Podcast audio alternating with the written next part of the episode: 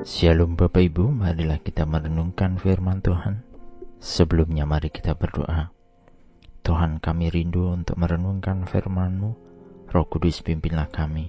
Di dalam Tuhan Yesus kami berdoa. Amin. Bacaan saat ini diambil dari Mazmur 73 ayat 26. Mazmur 73 ayat 26. Sekalipun dagingku dan hatiku habis lenyap, gunung batuku dan bagianku tetaplah Allah selama-lamanya.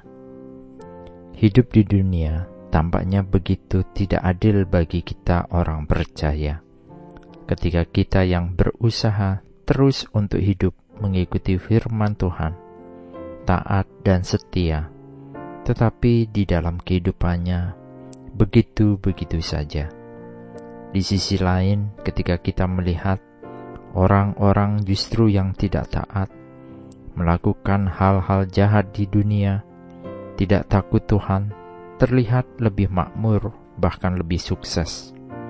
Mereka melakukan penekanan kehidupan pada umat yang percaya, baik dalam kebebasannya juga di dalam ibadah-ibadahnya. Mengapa Tuhan membiarkan hal-hal buruk terjadi pada orang-orang yang saleh? Mengapa orang-orang jahat tampak tetap tidak tersentuh, bahkan mereka jauh lebih populer. Bacaan saat ini mengajak dan mengingatkan kita, umat percaya, untuk hidup terus bersandar kepada Tuhan. Di dalam hidup ini, dengan segala persoalannya, yang terbaik bagi kita adalah hubungan yang intim dengan Allah yang terus kita bangun di dalam keseharian kita. Kenapa demikian?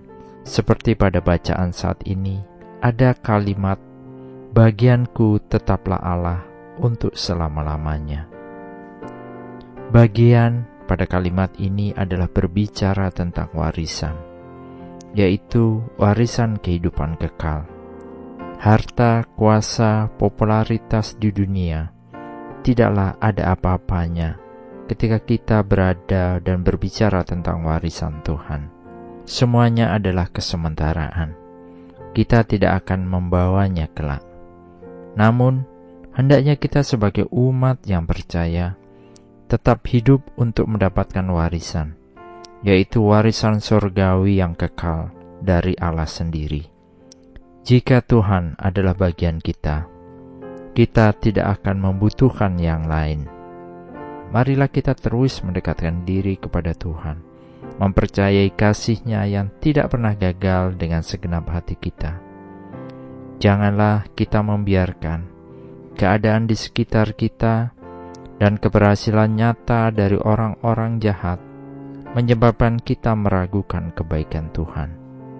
Melainkan, marilah kita menyatakan karya-karya indah Tuhan yang telah menyelamatkan kita oleh kasih karunia melalui iman di dalam Kristus. Amin. Mari kita berdoa. Bapak Surgawi, terima kasih untuk kehidupan yang Tuhan karuniakan bagi kami. Terima kasih atas kebaikan dan rahmat-Mu yang tidak pernah gagal terhadap hidup kami. Kiranya kami semakin dekat kepada-Mu dan menyatakan karya Tuhan di sekitar kami. Di dalam Tuhan Yesus, Allah sumber pertolongan, kami berdoa. Tuhan Yesus memberkati. Shalom.